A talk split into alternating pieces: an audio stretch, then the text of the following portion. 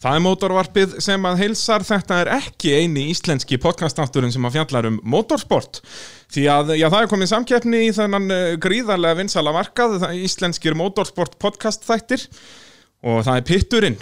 Og samkeppnin kemur nú aðalega frá mér þar sem að ég byrjaði með þann þátt ásamt Kristján Einari Kristjánsinni þar sem við tölum um Formule 1 en það þýðir að já, slagurð mótorvarpins er orðið miklu flottara í rauninu út af því að mótorvarpið Já, það er eini podcastátturinn í heiminum sem við fjöllum um íslenskar axtusíður.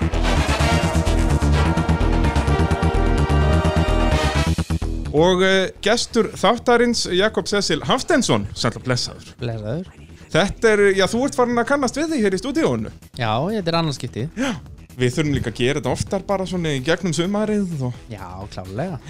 þú ert líka svona torfærinörd eins og ég. Heldur betur. Og það er svona það sem við ætlum að, að fara yfir í, í þættinum í dag. Við ætlum bara svona, já meðan allir eru bara í sótkví og þetta er allt í tómi tjónu og við vitum ekki eins og hvort það verði eitthvað að torfærakeppnir í sumar þá verður maður að tala um gamalt stöf Já, það er líkillin í þessu. ég held það.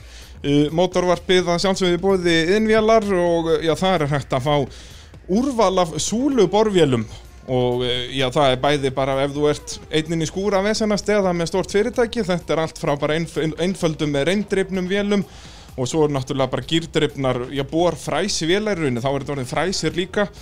Og náttúrulega bara öll verkværi og tól sem það getur nokkuð tíma dreymt um hvort að sem að það er síðan trésmíði eða, eða hverju og öðru. Og mæli með að tjekka á Facebook síðu innvila þar sem að þeir eru, nú alltaf með góð föstudags tilbóð þannig ef ykkur vantar verkværi á lágu verði þá endilega kíkið þið þangað. Og svo að sjálfsögðu abbi varahlutir A-klassa fyrirtæki þegar kemur að eh, já, motorsporti náttúrulega, Jakob, þú þekkir það Klálega, þetta er bara öðru einhvern bíl held ég. Ég held það sko, er að styrkja marga keppendur og, og keppnishald og, og með því. Og þeir eru líka með glæsilegt uh, glasuritt uh, lakk. Þannig að það vantar að sprauta bílinn þá kíkja á það og það er líka með spastl og grunna og allan anskotan þannig að já, við varum hlutum og sjálfsögðu bara ódýra varahluti. Já, já, já. þannig ef að þú varst einn eitthvað staðar á vappi, varst ekki heima hjá þér út af COVID-inu og klestir á, ljósástur, þá getur þú skottast í að varahluti Heldur betur. það er svolítið svo leiðis uh, Já, hvað ættum við að byrja, Jakob minn? Kanski við byrjum bara eins á þér Hvað, hvað er að frétta þér? Það er bara allt ágætt. Er það ekki? Maður er bara býður eftir sumurinu. Já, er eitthvað að frétta með sumarið það? Ég hef er náttúrulega bara Noregur er frestað og Já, það er staðfest svo veit maður ekki meira, sko. Þannig að, veist, ég stór ef að hella verði þarna, hvað, átti að vera bara annan þriðja mæ, eitthvað svo leiðis Já, eitthvað svo leys. Það er náttúrulega eru, hvað, voru ekki 6.000 manns í fyrra. Ég held að það sé, Þess að staðinni núna finnst mér ekki líklegt en þeir kannski taka stöðun eftir hvað mánuð. já, hvað, það er verið að tala um að þessi veira verði að toppa núna eitthvað tíman í, í byrjun apríl Já, En þá verður samt eitthvað að þú veist þrjár, já, kannski sleppur það. Ég persónulega myndi bara taka ákvörðun nokkuð snemma, sko, bara taka ákvörðun núna næstu vikum, bara heyrðunni, hella verður bara í haust. Út að ég held að vættum að vera góðir, sko, með aðra umferðina, er það ekki akureyri? Jú, það er bíladar, það er hvað, 15. júni Ég segi það, sko, 15. júni, þá erum við strax komin í betri mál. Já, svo náttúrulega er hella, hún má bara vera hvað er ekki mæ og september út af áni Var það ekki? Er það svoleiðis? Og það var ekki lagsinn eða eitthvað svoleiðis Nú, já, það er nú eftir að segja mig fréttir. Ég, síðast ég heyrði þá er rauninni bara hægt að vera með hellu í mæ eða í september Já, sem að meka sens, þú veist, þegar maður horfir tilbaka þá eru það alltaf Já, Það voru þarna í kringum hvað 2004-2005 þá voru þeir oft síðasta keppnin sko og, jafnvel, og fyrir það líka náttúrulega. Já. Þannig að jú, jú, bara henda í hellu í september. Það segja náttúrulega gallin bandaræki náttúrulega þau þurfa að vera að fara í gáma í byrjun seft held ég.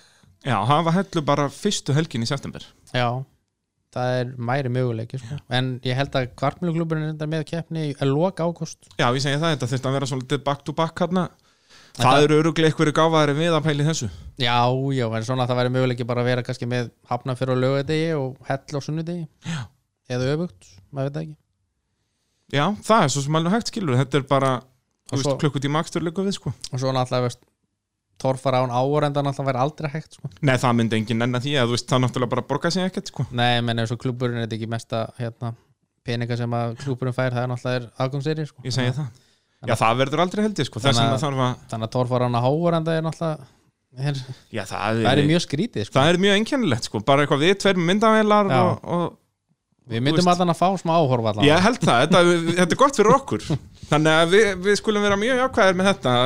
Engir áhörundur og allir bara horfa á vídjóun okkar. Já, Talandi um vídjóun þín, Jakob, sko, þú komst hérna síðast eh, bara eftir tímabili fyrra, bara í ágúst. Já, og þá vorum við að monta okkur af því að þú væri sko með 12.000 uh, subscribera eða sagt, já, áskrifendur af, rásinniðin á YouTube og með 8,2 miljón áhörf sem sagt í heldina Núna, sko, þó að það sé búið að vera off-season þá er þetta heldur betur búið að aukast.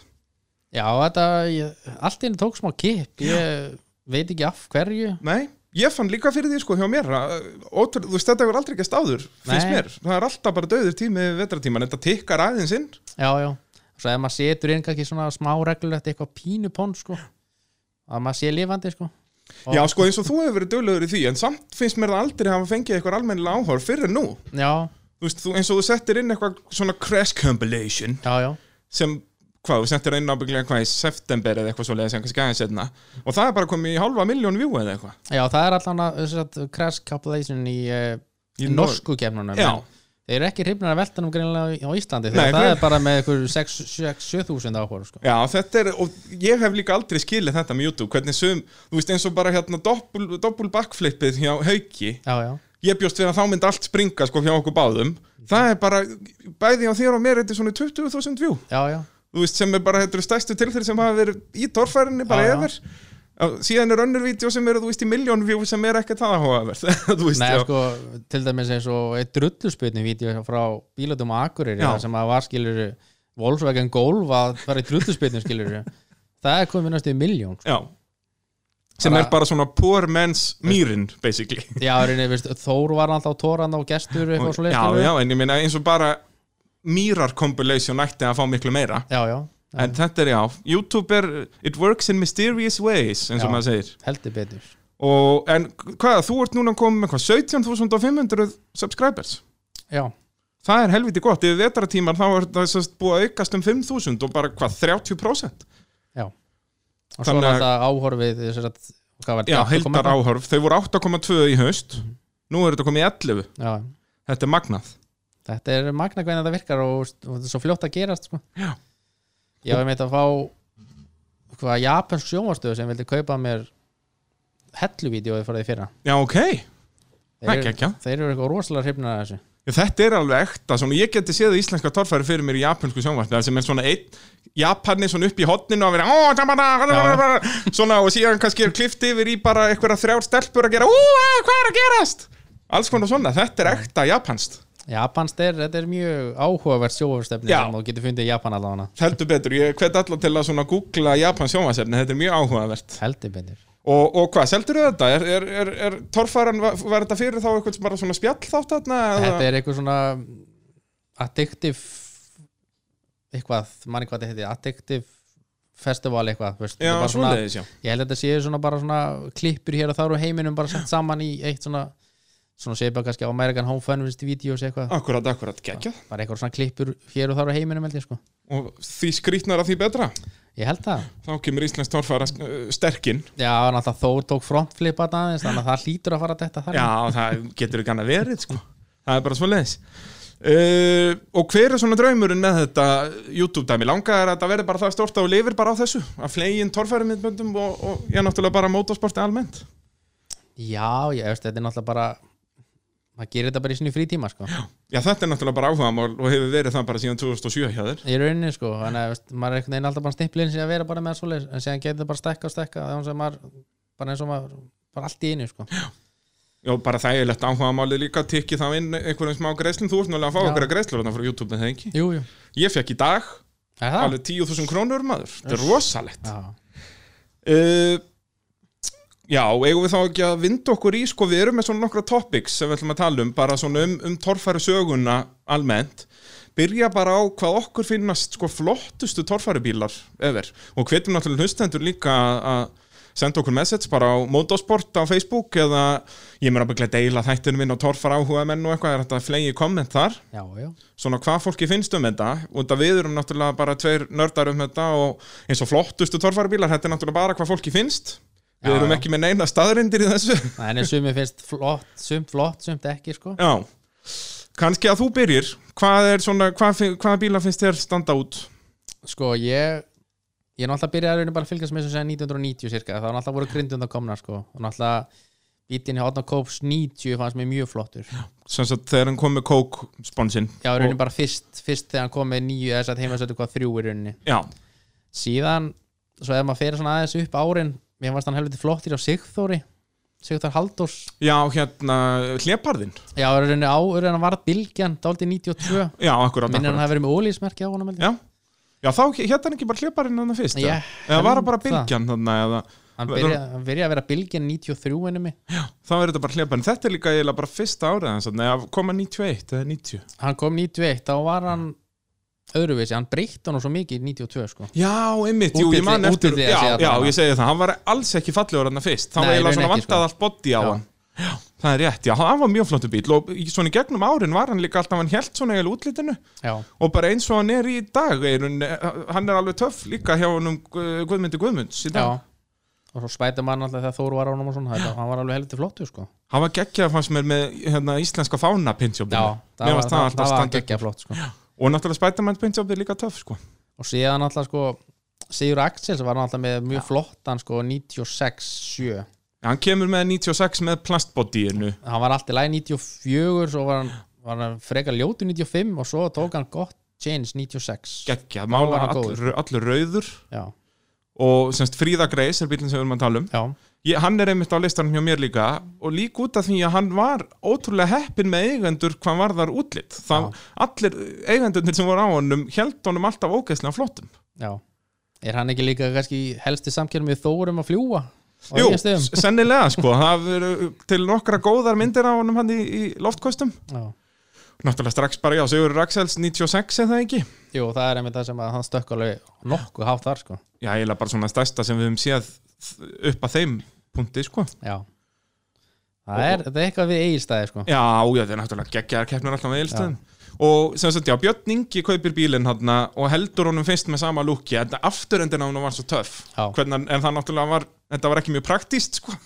það er bara einu velta og þetta brotnaði alltaf af sko. Já, já, og síðan sagt breytir honum þannig að það væri eiginlega engin afturend á honum, það var ekkert spes þegar hann var svona svartur og, og hérna já þegar hann var kicker. Já, kikker, sko, mér fannst það ekkert spes en samt ekkert eitthvað ljótt. Nei, nei, og svo smíðar hann þetta body sem var síðan eiginlega alltaf á honum þarna. 23 eitthvað Já, það ekki? 23 eitthvað byrjar að vera svona hvítur og bleikur og það var bara geggjað. Já, og Ólafur Bragi heldur því þú veist, hann var appi sínum gullur hérna hjá Ólafur Braga fyrstum sinn, ógeðslega töff. Já, og, og hjælt honum já, þú veist, með öllum Mountain Dew lúkonum og öllum, aðst hann alltaf geggjaður sko. já hann, er, og hann er hefur alltaf verið bara virka líka mjög vel sko. já, það er náttúrulega svona skrítið að segja það að bílar sem eru flottir er yfirleitt þeir sem er í toppslagnum sko. bara einhvern veginn út að maður tekur meir eftir þeim Já, það er alltaf ekkert svo margir flotti bílar sem hafa verið lélir Nei, ég segja það sko, en ég held að það sé líka út af því að við erum að tala um sko, ekki beint fallega bíla heldur bara töff. Já, og það er töff að vinna. Já, já, þannig að, þú veist, ég held að þetta haldist alveg pín í hendur þegar maður talar um keppnisbíla og eins bara með Formule 1 eða rallycrossbíla eða hvað það er. Og eða, grúpu B rallybíla eða eitthvað, það er alltaf, maður man alltaf mest eftir þeim sem voru að vinna og þess vegna eru þeir mest töff. Þó að það er alveg til lélegir bílar sem voru fallegir en já. Uh, eitthvað meira svona sem þér Sko Gísli náttúrulega var með mismunandi bíla Já. eða útliti, mér fannst það mjög flottur eftir breytinga þetta 97 til dæmis. Já, þegar hann var lækkaður allur skilur, hann held í rauninni sama bodyi og veltibúri þannig séð en var búin að lækka hann, hann var geggjaður og fór líka síðan aftur í kókumjölkubílin sko. en hann var alveg ágætlega flottur svona sem í 92 líka þegar hann fekk hann rauninni fyrst. Já, þú veist, mér fannst það meira svona töff. Já, frekar en flott, þú veist, hann var ekki fallur veltibúri var alltaf framalega og hann var alltaf kassalaga og, já, já, þú veist, og eins með þegar Guðbergur var á honum skiluru, hann var alveg töff en þú veist, þetta var ekki fallegt, eins og Guðbergur var alltaf með svarta framstæð og allt hitt svona eitthvað álitað og eitthvað. Þannig að þú veist, já, þetta var vissulega töff bara út að hann er legendir í þessi bíl skiluru já, ég veist, maður, alltaf, maður finnst hann alltaf vera flottur veginn sko. já, en þú veist, eins og segjum það bara ef að gísliði mætti á hann 93 og síðan bara hent honum, þá varum við ekkert að tala um hann núna skiluru Nei, nei, þannig að, en ég er samanlega sérst, Kókomilku lukki 97 var geggjað. Svo verður hann líka flottur sem Arctic Trucks. Já, já. hérna, að það er bara svona töff litakombo svona fjólublátt eða blátt og, og appisínu guld og svo náttúrulega þegar hann stittir hann tekur raskatið af honum hérna 2001 Já. eða ekki? jú, og þá finnst mér hann líka semst, það fyrir hann bara mjög vel. Og hvernig hann var þú veist eins og í Nóri hérna, já, því mótið 2006 Já. með bíl upp á benna það var geggjað sko. Það var mjög flott við þá sko. Þannig að, að ég er samanlega með þetta sko, að ég er með, með fríðu greisatna og, og kókumölkina Þú sagði náttúrulega heimasætuna en hvort finnst þér sko heimasætan 91 eða heimasætan 2020 flottari? það er sko, var, ég, ég sé mjög smá mun á 90-91 til dæmi sko. Mér finnst hún flottari en 90 sko. Flottust 90 Hver eru breytingarnar þar? það er ekkert eitthvað rosalega útlýttilega að sé þannig en mér finnst það bara eitthvað svo flott í 90 Já, allt nýtt og nýmála já, flott, rauninni sko. Uh, mér finnst hann flottari í galmata eldur en núna sko. Já. en hann er samt alveg geggja flottir núna sko. Ég er nefnilega ósamanlega, sko, mér finnst það flottari núna. Bara út að sem sagt, sagt veltibúrið sem að þeir smíða Gunni Egils og, og þeir hann á ljónstöðum. Já, já, að mér, það er svo töff hvernig það er svona aggressíft sest, og núna þegar það komið semst, með gamla yfirbyggingun aftur með þessu veltibúri mér finnst það alveg geggjað sko. já það er eins og ég, hann þetta er geggja flott í þeim núna þegar maður sá hann fyrst sko, þegar maður ekki fann sjá hann allir tíma það var svo geggja að sjá hann koma og taka kompakið Já, með, þú veist, hérna Caterham grillið, þú veist, þetta er náttúrulega byggt á svona litlum Caterham bíl þessar gömlu bresku kapastusbílar og já, með þetta nýja veltibúr finnst mér hann geggjaður. Mér fannst hann reyndar sko eiginlega flottastur hjá Gunna Egils 96 já, þá var hann svali sko eða ekki Jú, þá var hann svali og með sem sagt hann er helmingurinn gulur og síðan grænna móti, sko, Já, þetta er svona já. Days of Thunder lookið bara Tom Cruise stemming, sko. Og sem ég fannst alveg geggjað. Hann alltaf breytti bílnum rosalega mikið. Hann var stundum, hann var náttúrulega appisnugulur út að svala. Já, Svo fyrst var hann svona einhvern veginn svona, var rauður. svona vinnröður það fannst mér ekkert flott. Nei, og síðan náttúrulega var hann uh, var gulur, appisnugulur svo var hann alveg gulur einu sem 99 eitthvað Já, Svo- 90, 97, 8, 9 þá er hann gulur, veist, byrjar heldur með rautt veltibúru er svo með grænt. Já, það var alveg töff, sko. Og svo náttúrulega var hann grár það var alltaf svona Já, grár og var hann ekki líka alveg gullitaður eitthvað tímann þegar hann var með hennan gullspons? Já, hann- það var hann þegar fór til Svindon alltaf hann að 2000, þá Þú var hann Mér fannst gullitaður. það heldur ekkert spes, sko. Nei, Mér finnst það svona torfæribílar þeim megi ekki vera í glanslit sko, sko, það, Snorri var með hann gullitaðan 2014, Já, það var enda tóldi töff sko. Og já, var með það 14, 15, 16 Já. Það er enda kom vel út Ég voru að gefa hann um það Þó að það voru ekkert, og torfæribílar eru nú heldur ekki sko, þekktir fyrir það að vera með eitthvað svona lúk Þetta er yfirleitt bara grind og veltibúr í einum lit, body í öðrum já, Það er ekki margir að vinna með eitthvað svona strípur og eitthvað nei, ekki mikið sko. Þú, hvar, hvar stendur þú á, á svona lúkum? Ertu, ertu hlindur því að finnst þetta töff eins og þetta er núna? Já, svona, svona alltaf koma auðlýsingar inn í, á bílana og þau náttúrulega þá breytast þér aðeins þannig að kannski erfitt að vera með eitthvað rosalegt lúk þegar þú ert með fullt af auðlýsingum Já, ég held líka, þú veist, torfæribílar eru bara það ekstrím í útliti að veist, það þarf ekkert endilega, sko. Nei, raun ekki sko En taland um svona lúk, að þá finnst mér það eitt flottasti bíl efer er náttúrulega Musóin. Þegar hann kemur nýr 99 hjá Halla P. Það náttúrulega gengur ekki að segja Musóin út að það voru alveg, það eru allavega þrýr Musóar í, í torfærisögunni. Já, já, En Musóin, sem er uh, Þór í dag, fyrir um kórdrengurinn og allt þetta, að það var náttúrulega bara hvítur bíl með svona þessu hérna, rauða og bláa eldingalúki eða hvað þetta Já, að já, vera, já, sko. já. Mér fannst það geggja töff. já Þeir hafa náttúrulega nokkri verið maður náttúrulega kannski mann ekki alveg en það hafa alveg nokkri verið með eitthvað svona smá svona Já, lúk, já, sko.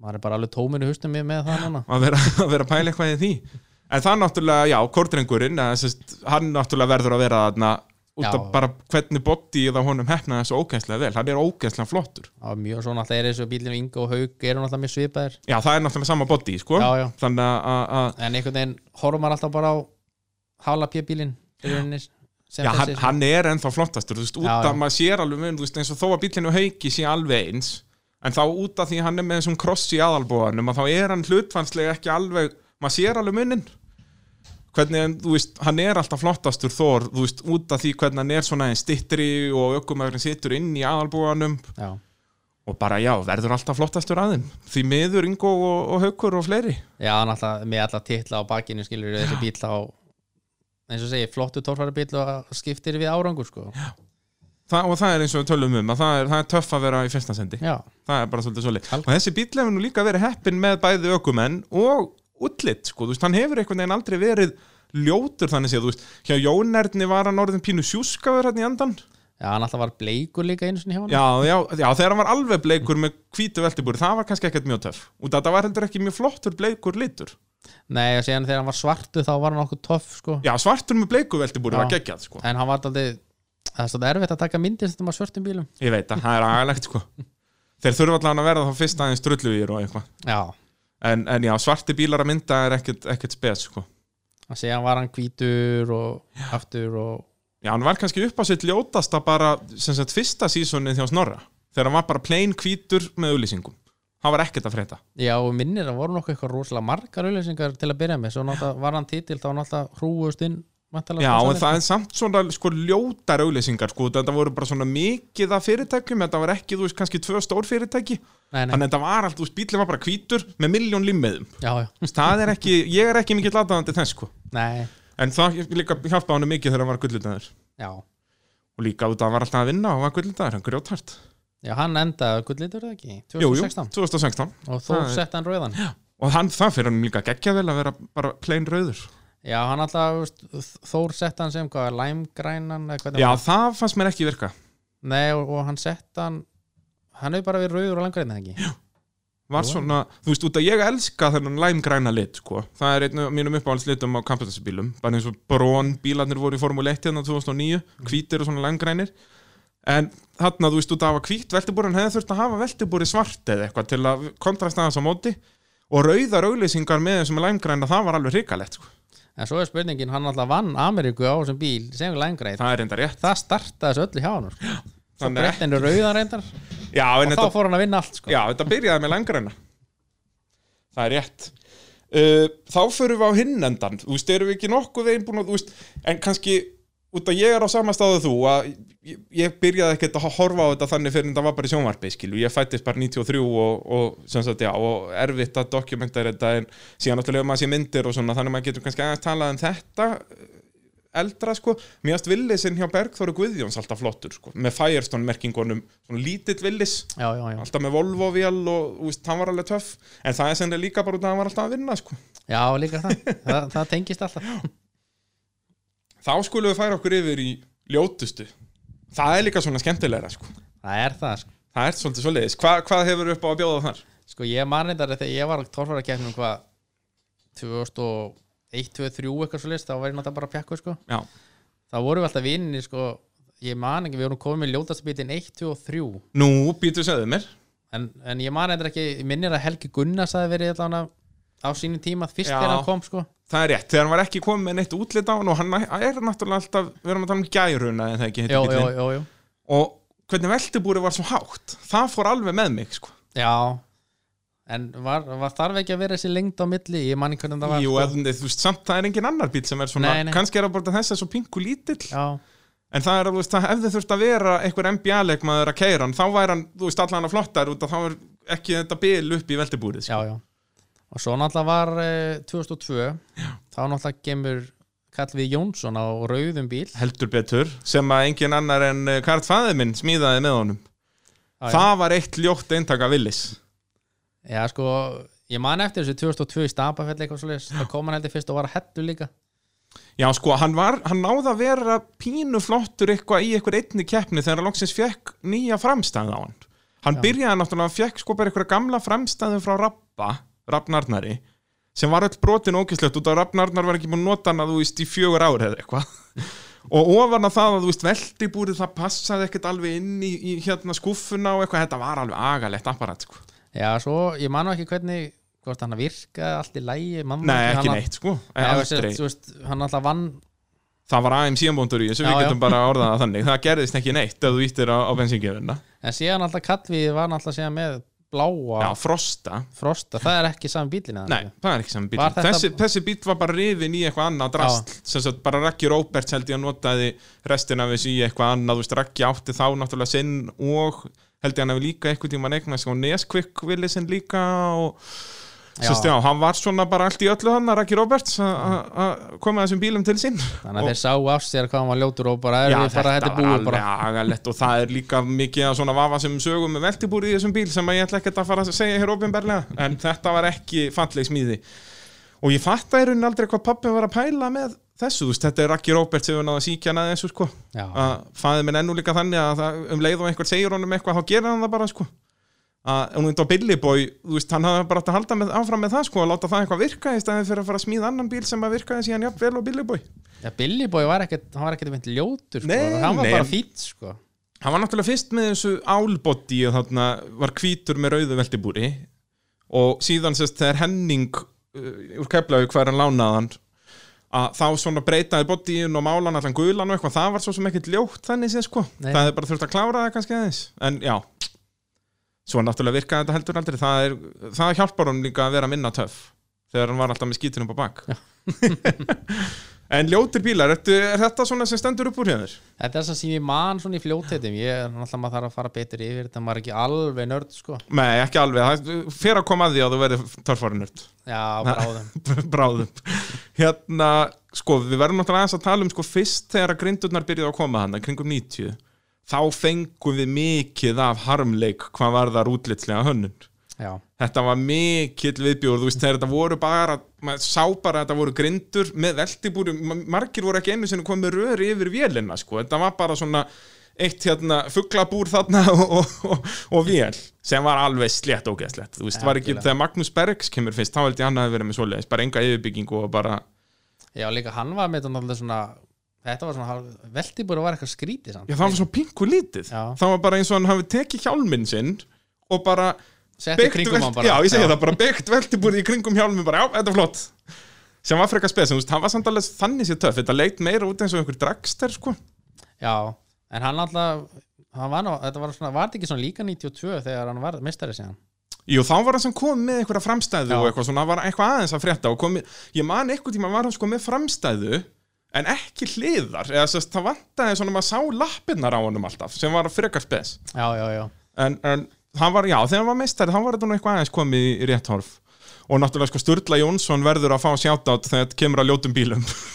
Því miður greiðkallinn því að hann kom sko á grind sem sagt vakonir 74 hétt þetta en þetta var grindurinn, hann var búin að setja veltibúr og veltibúri var svona ógislega framalega sérst hundið var stittra en skottið það var alveg, ef þú horfður á hliðina á honum var þetta eins og vélinn verið í miðjunni sko, þetta var slétt ógeðslegt.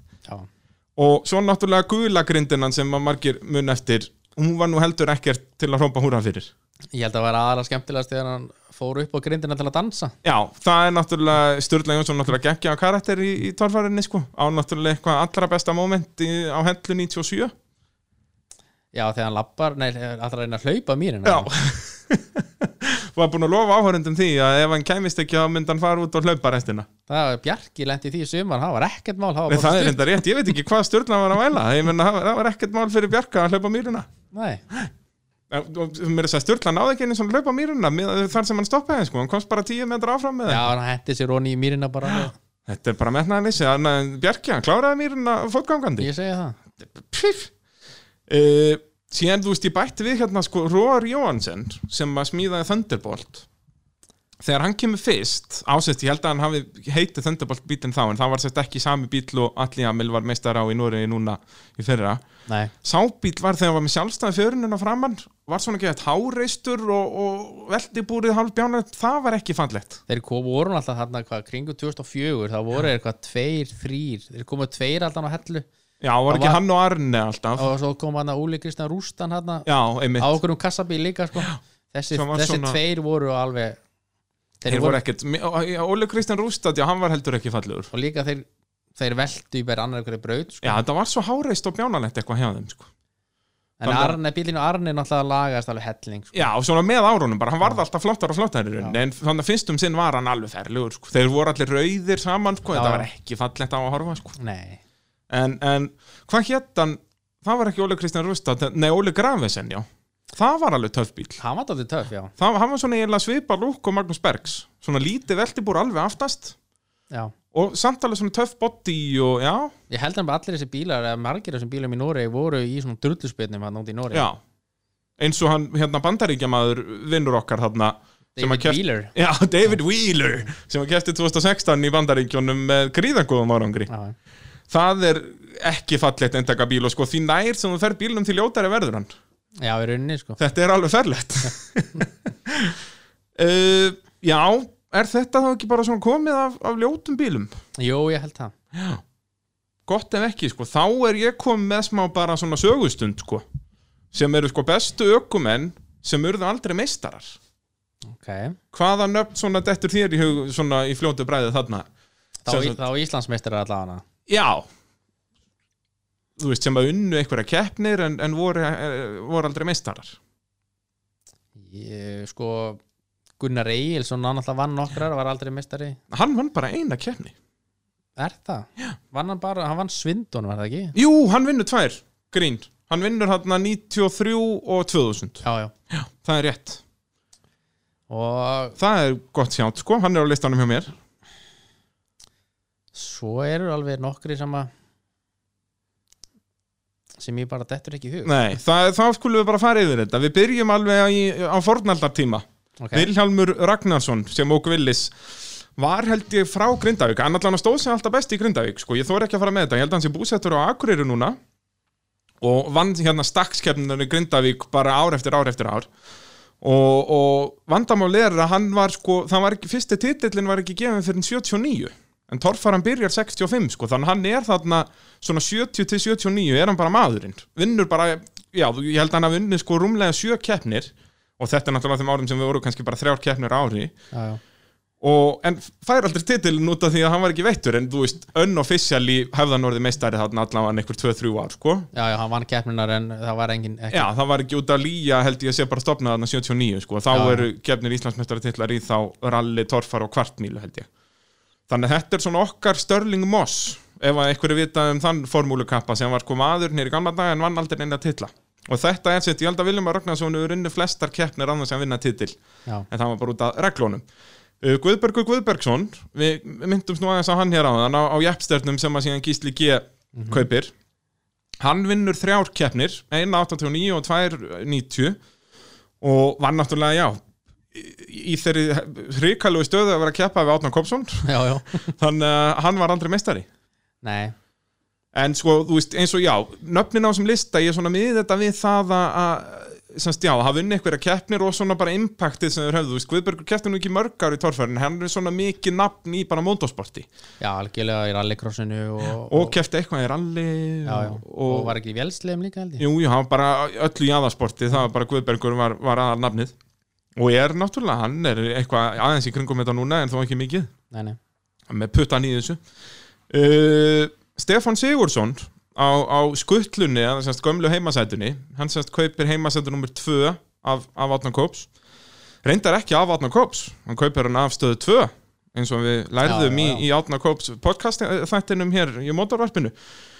Uh, hann vinnur þrjár keppnir það komir alveg óvart sko. Ég held að hann hafi vinnið ja, hann vinnur rauninni tæknilega séð fjórar keppnir. Að hann vinnur eina á Willis í göttubílaflokki 89 já, já, já. He- held ég allavega, það var allavega Stefán sko, Stef- Stefán Sigursson er frekar algengt nafn, kannski var það annar Stefán Sigursson ég var stand um það, nei, ég held að þetta er að vera hann. Hann byrjaði hann í gótubílaflokki á Vilnis, kaupir svo gömlu heimasætun og fyrsta keppnin sem hann keppir, Jósefsdalur eða fyrsta keppnin sem hann vinnur á þessum bíl, eh, síðasta keppnin 90 og þá var hann bara skráður sem gamla heimasætan, þá hétt þetta ekki skutlan það var enda geggju keppni líka sko. Kristín Bítna með fíl í stökk og hlæti sko. heldur betur, það var, það var alltaf gerast þar. Og var man- lagur líka milli heimasætan að tveggja sko. Já, ég man eiginlega mest eftir honum í, út af þessari keppni sko. Já, er það svo leiðis? Ég nefnilega held að ég hafi ekki séð frá þessari keppni, ég las bara einhverja bladagreinar Er, er þetta, áttu þetta til það? ég á þetta allt til Já, auðvitað Ég á nú ansi mikið, jú, ég hlýta ég þetta til eitthvað staðar ég held að þetta sé á YouTube ykkur hluti af þessari keppni en ég veit ekki hvort hann sé öll Nei. en ég á hann allavega einhvers þar á spólu sko. Það, það, við þurfum að rífa fram Betamax-tækið bara og já, ertu, já. er, ertu í Vaffa S? Ertu í svo Þetta ný, þetta- nýmóðins? þetta er Vaffa S sko. Það er miklu betri gæði betunni, maður það Jú, þú verður að fara Ég myndi færi þetta yfir Allt á Já. Betamax, sko. Þetta Vaffa S er lungu dögt eins og allir vita. En betan er að koma sterkinn já, er, fer þetta ekki á kassettu eða? Jú, þetta var beint á kassettu, sko. Það er, ég, náttúrulega internetið er bara bóla. Ég Já, treysti já. því ekki, sko nokkuð skapaðan hlut. Uh, Annan nafn sem að, og nú erum við nú komnir á þann tíma svona sem að þú fer að þekka til líka, sko, Helgi Sjött. Já, já, Legend. Hann alltaf er rosalega búin að vera lengi, var lengi í þessu. Já. hann vann samt alveg hvað tvær, þrjá, fjóra, fjóra, fjóra, fjóra hann vinnur sko tvær keppnir út af sko þarna er sögubókin mín uh, farin að svíkja út af ég er ekki með skráðar allar Ísak keppninar nei, nei, nei, út af hann hlýtur að vinna eitthvað þar það ekki það myndi ekki komið óvart sko. en hann var ekki meistari þar út af þá náttúrulega myndi hann ekki komast á hann lista ef hann hafði orðið meistari sko. nei, ég held að hann hafi ekki verið mest ég var bara, hann, kannski vann hann eitthvað Ísak keppnir en semst undir uh, Lía að- þá vinnur hann tvær keppnir og svona frekar langt á milli sko. fyrst á Akranesi 92 þá semst gamla bílnum sem var henni bara villiskrind og svona, samt svona mjór sko, já, já. Sem var síðan þvottagrindin hérna 97 Mhm. en það er sérst fyrsti frissi fríski. Þarna hérna bara greifin. Þetta er það gamalt sko 92 og svo í Jósefsdal byggarkeppni 98 já, ég man eftir því. Og þá er hann komin á nýja bílinn. Já, og bara var geggjaðu keppandi. Svona alltaf gaman að honum, stökk mikið og, og svona já. Já, hann gaf allt í þetta bara. Vist, hann bara, bara fullar fullar gjöf og hann gaf bremsur yfirleitt sko. Bara geggjaður já, og bara stóð sér samt líka vel þetta var ekkert alltaf bara gjöf og, og engin bremsar Nei, það er þú veist eins og hann komst á þennan listaskilur út af því að, að hann náttúrulega var oft í velunasæti sko. og kefti náttúrulega yfir það langt tímabil sko. hann byrjar 80 eitthvað eða ekki bara á okkur um villis í göttubílaflokk ég man allan eftir á 90 sko. Og að hann, 89 held ég alveg öruglega líka sko. já, ég held að hann hafi byrjað hann já, hérna, og var þá í þessu í bara 15 árið eitthvað. Hann hættir samt alveg eftir Ísaki það ekki, hann mætir ekkert fyrir Lía aftur. Nei, ég held að Leo kaupi bílinn hvað 2002 eða ekki, jú, 2002 Já. er mætir Leo Viðar. Uh, Leo Viðar er mitt líka á þessum lista hérna. Þó hann hafi sko bara unni eina keppni ákvað að hafa hann með sko bara út að hann keppti það lengi sko. Hann er hann að 2002 til 2014 eða ekki? Jú, ég held að hann hafi mætt á hellu 14 já, hann var, 15 hann var ekki að- já, jú, það var 15 Já. en hann var ekki að keppa held ég 2014 Nei, hann tekur einhver ár úr. Og mögulega ekki 13 En svona upp á sitt besta þannig að hann var reglulega velunasættum og veist, fór til Norex að keppa líka já, hann var aktífur. hann náttúrulega var í ágæti stöðu fyrir Íslandsmóti 2009 þegar að Hafstedt vann. Já. en hann bara lendi í bílunum í Kollafyrði Já, svoleiðis. Ég held hann að ekki, ég held hann að mista annari keppninni. Og þá var það bara fekk Hafstedt hann bara silufæti sko. Já, en hann, Hafstedt kerið mjög vel þann líka sko. algjörlega. Uh, Þórir Sjött á jakslinum Er það rétt að hann hafa bara unnið þrjár keppnir? Ég held sko þarna ég held að mér vanti eitthvað keppnir inn í, í sögubækurna mína þarna sko. Hann hlýtur að vinna eitthvað aðeins fleiri hann vann 1.92 eða ekki? Sko, samkvæmt mínum skrám uh, vann hann þrjár keppni á. 1.92 og 2.93 það getur svo sem alveg Va, Var sko. þann ekki byggarmeistari? hann var byggamestur 92 Þá náttúrulega á hann ekkert að vera á þessum lista sko. Nei, eða svona þannig séð, kannski er þetta bara yfir Íslandsmeistara. Já, já, en jú, jú, það er allavega Þórir fær svona pínu sjátt. Já. en hann náttúrulega ver, var byggameistari þannig að hann á, hann á betra skilið en að vera á þessum lista. Já. Svo þannig bara að fara að mæta afturkallinn já, er það ekki, hann er eitthvað búin að vera í einhverju veseni það ekki með skrokkin á sér. Ég held það jú. Það, ég sá það á Facebook að það er eitthvað, þetta er eitthvað aðeins að tefjast hjá honum semst, hann er náttúrulega komin með grind af, af semst nýsmíðu um jaksl en á hann ekki, ég held að neyja eitthvað sandspinnugrund líka? Já, það og- ekki, eitthvað svaka dragstar þar með þannig að það er, er nót til að dóti. Allur pakkin þar. Allur pakkin þar. Svo Gunnar Egilson sem við myndast á þann það er eins með hann og Helga Sjötta eh, langt á milli sigrana það er Akranes 93 og Svindon 2000 já. Hann var alltaf líka í, hann var svona þeir voru alltaf, þetta var alltaf Gísli Einar og Halli. Já. 90 og hvað? Það er svo Fjögur. 90, 93 til 2000 svo eða 98 allan 99 þá var hann alltaf átti mögulega á titli svona tölfræði eða tæknilega eða tölfræði séð.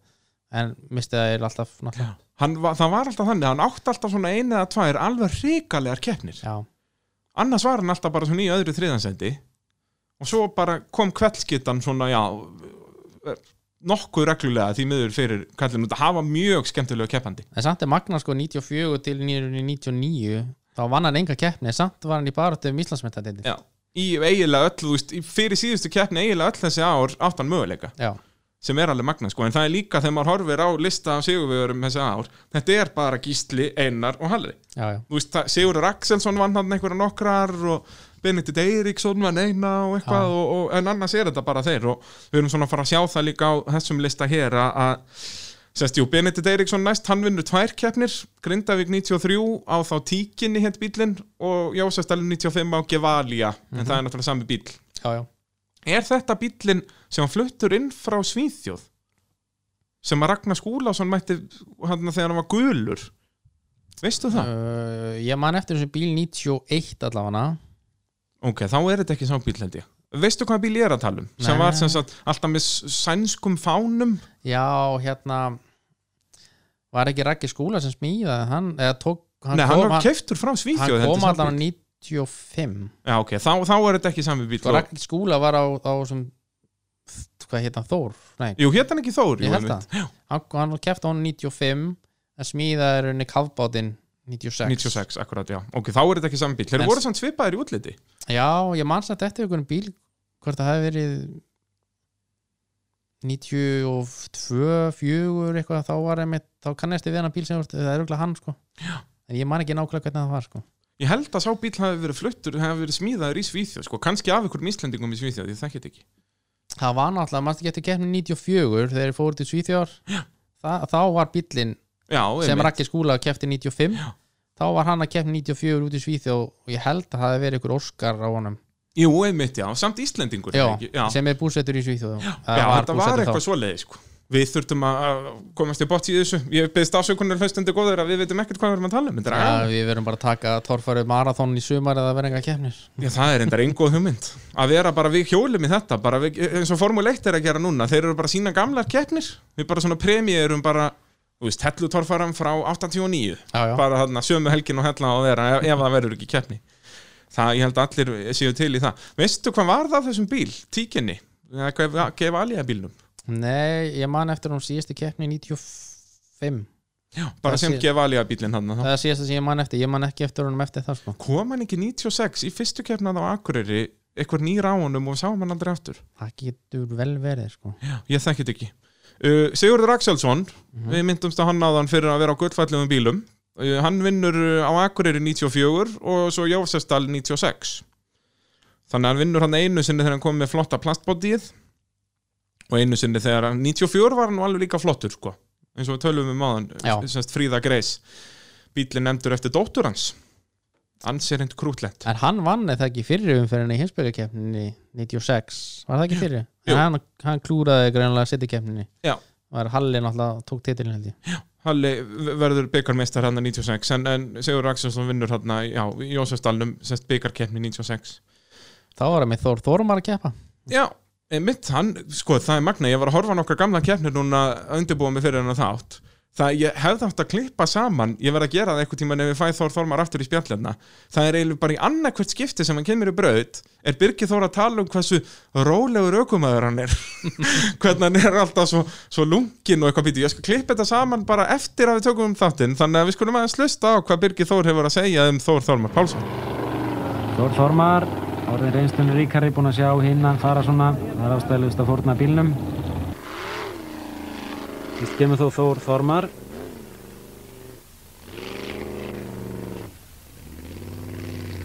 Og það vinst ekki alltaf allt með aflinu og hamagangnum. Stundum betra að fara bara hægt og rólega. Þetta er ansi áhugavert, alltaf að tala um sko, já, heyrðu, hann ætlar ekkert að hætta sér í þetta alveg slakkur, þetta er indislegt sko. Þessi, ég man samt eftir einu í ykkurst með Jósendal 96 í píkakefni þá er alltaf sérstafna kvíðin sko. Og svo er fullt af steinum og hann alveg gríti steinunum út sko, alveg brjálaður sko. Þetta er allt komið bara hérna í, í hérna, klofið á honum alveg Hann náttúrulega, það er aðeins eitt Þór Þormar sko. heldur betur. Það er svolítið svoleiðis. Uh, Þá, já, náttúrulega á þessum tíma eins og ég sagði þann að þetta voru alltaf bara þessi þrýr sem voru að vinna allar keppninar þannig að það, það voru þeir, já, sem unnu og svo, þannig, já, Sigurður Axelsson, Benedikt Eriksson og Gunnar Egilson síðan er það bara næst sko Akureyri 99 sem er Ásker Jamil Allansson okkar Já. maður, hann vinnur alls fjórar keppnir en hann var aldrei meistarinn, hann náði heldur ekki í göttubílaflokknum á villisnum sko. hann var reyndar byggamestari það Það er rétt, jú, já, ég er að skýta á mig Við skulum hafa þetta bara sem hafa aldrei orðið Íslandsmeistarar Við Já. þurfum að breyta þessum listaðins Ég er að, að kveld skýta á mig hérna með þessa byggartitla sko. já, maður gleymi þeim alltaf. Já, það er samt sko þeir eru í bókaldunni Ég er bara var í ruglinu, það verður eitthvað að vera í því.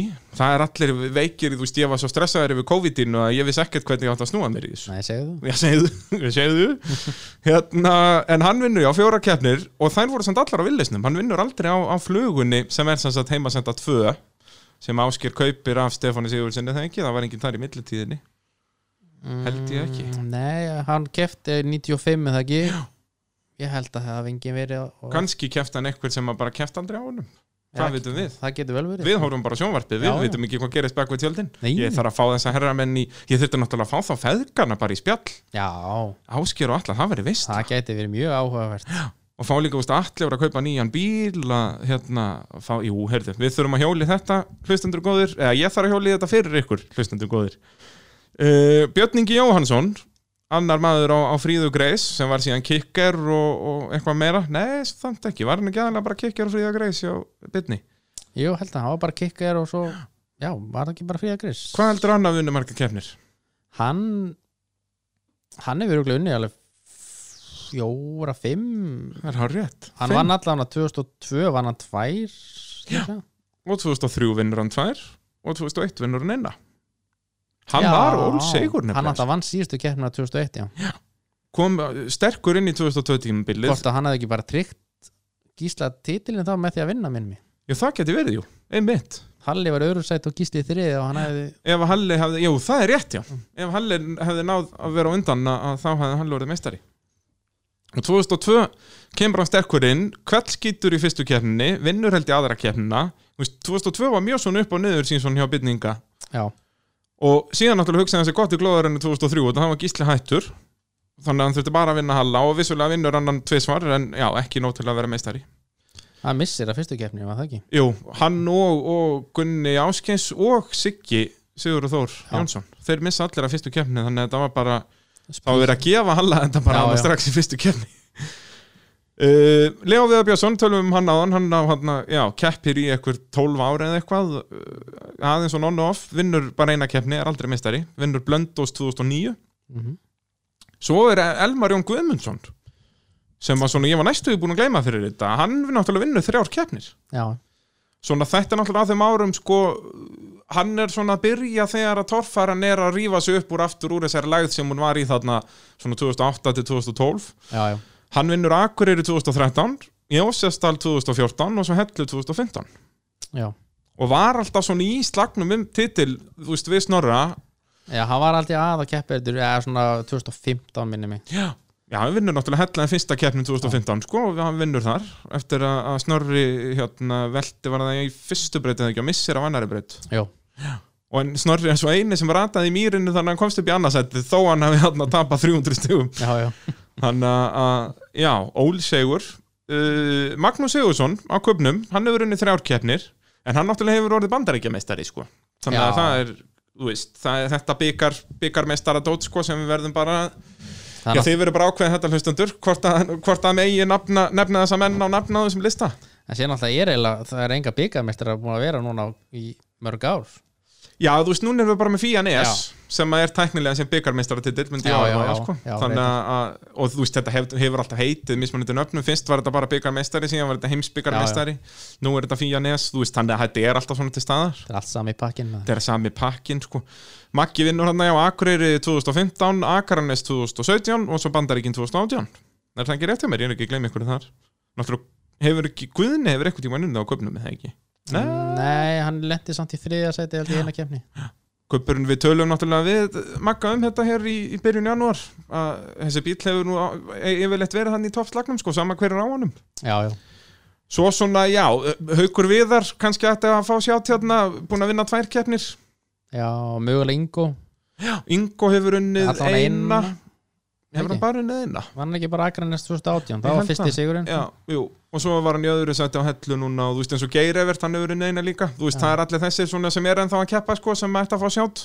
Já, já, En náttúrulega þeir verða allir meistarar bara á næstu árum þannig að þeir, þeir fara af þessum lista snögt og öruglega já, og það er náttúrulega alveg nokkur hérna sem ég er ekki að nefna sko, sem unnu ein og eina keppni. En já, þið, þeir sem vita hverju það eru þá bara vitið þið það. Það er gott með ykkur uh, þá ætlum við að færa okkur yfir í, í sagt, vandræðalegustu og sætustu moment allra tíma, allt saman í bóðinni AB varahluta og uh, innvéla og já, Jakob, vandræðalegasta moment. Hvað, hvað ertu með þar?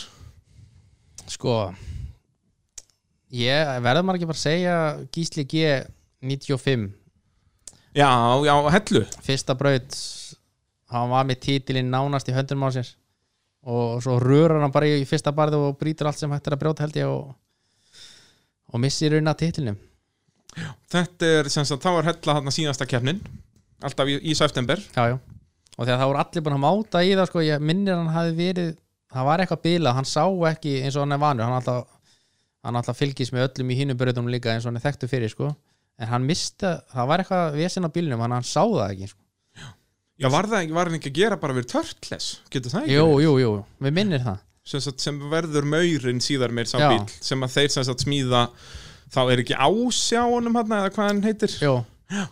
og þeir voru eitthvað að gera við þann bíl hann að hann sá ekki hvað hinn gerði hinn mátuðu bara og hann alltaf bara í brautarskóðum var búin að vantilega að láta vaða og hann alltaf gera það og svo endar þetta svona og náttúrulega ef hann hefði séð þinn þá hefði hann sannlega ekki gert þetta. Þetta er þetta sko klassíska hellubarð já, já, sem er bara stál, þú veist, þeir sem hafa farið á hellukeppnir vita hvað við erum að tala um. Og já, hann rörar í þetta beigir sem sagt framhásinguna það mikið aftur að hvað hann brýtur millikassan, beigir sveifarásinn þannig að, sérst, vélinn gekk þó að var bógin sveifarás en hann kasta alltaf af sér stýrisreiminu og öllu því. Já, já. þannig að sérst, mætir hann ekki næstu braut bara á afturdrifinu eða eitthvað svo leiðis svo náður að gera við millikassan? Eða, sko, hann mætir heldur bara beint í tímabrautina.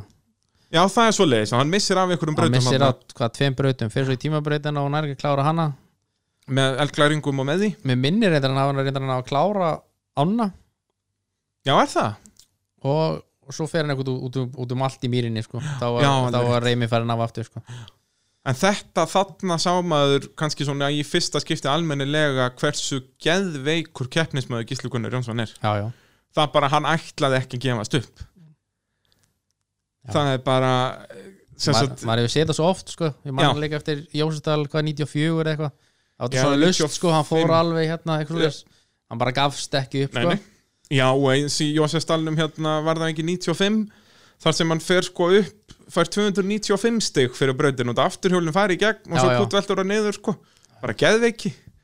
Og bara geggjaður, ég get ekki beðið eftir að fá hann í, í spjall í mótavarpinu, hann er búinn að sko, hann ætlar að koma í spjall, það er bara smá vesen með þessa helvíti sveiru hérna hvenær við hjólum í þetta, Já. hlustendu góður en, en hann er á leiðinni, hafið ekki áhugir uh, eitthvað meira heldur en gíslinn hann 95 er vandra á moment þegar Halli P rífunni myndavæluna sömu keppni? Það er pínuvandræðalegt Það er nú, eh, sko, einn ein vinsælasti bara kvikmyndatökum maður Íslands var þarna já, sem er nú bara núna í dag bara hefur verið myndatökum maður í öllum öllum bíómyndum landsins held ég. Það var sérst Birgir Þór var ekki á honum hann er hann besti er hann kallað besti myndatökum maður held ég að hann hafi verið á akkurat þessari myndavél já, og ef þið bara EMDB síðan hans eru bara allar íslenska bíómyndir held ég hann gerði síðast kona fyrir stríð er ekki Motorsport inn á E MDB hann Herðu það, við þurfum nú að kíkja á það.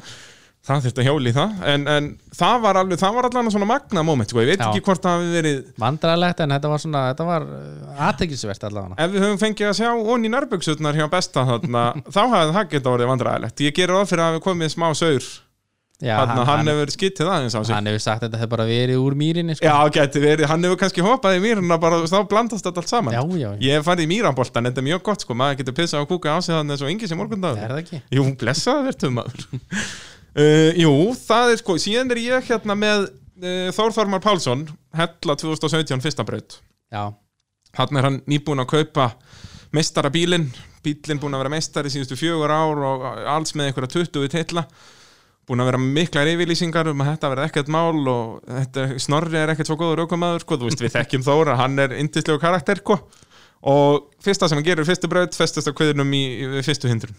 Já, það var alveg og út af þarna var þetta náttúrulega margir spáðu því að þetta yrði allt svona hjá Þór sko, hann bara nei, þú veist, það, þó hann kaupi besti bíl hann verður ekkert góður sko, en hann heldur betur já, sannaði okkur rangt. Já, heldur betur. Það er, hann náði bara, er búin að ná mjög góðum tökum á þessum bíl, meistari tvö ári röð en þarna 2017 leit þetta ekki vel út í fyrstu braut. Uh, Gísli Gunnar Jónsson, nú merkilegt hvað erum að nefna hann oft hérna sko, mér Já. er ekki það ánda, legendi sjálf en Jósefstallur 97 áttunda braut.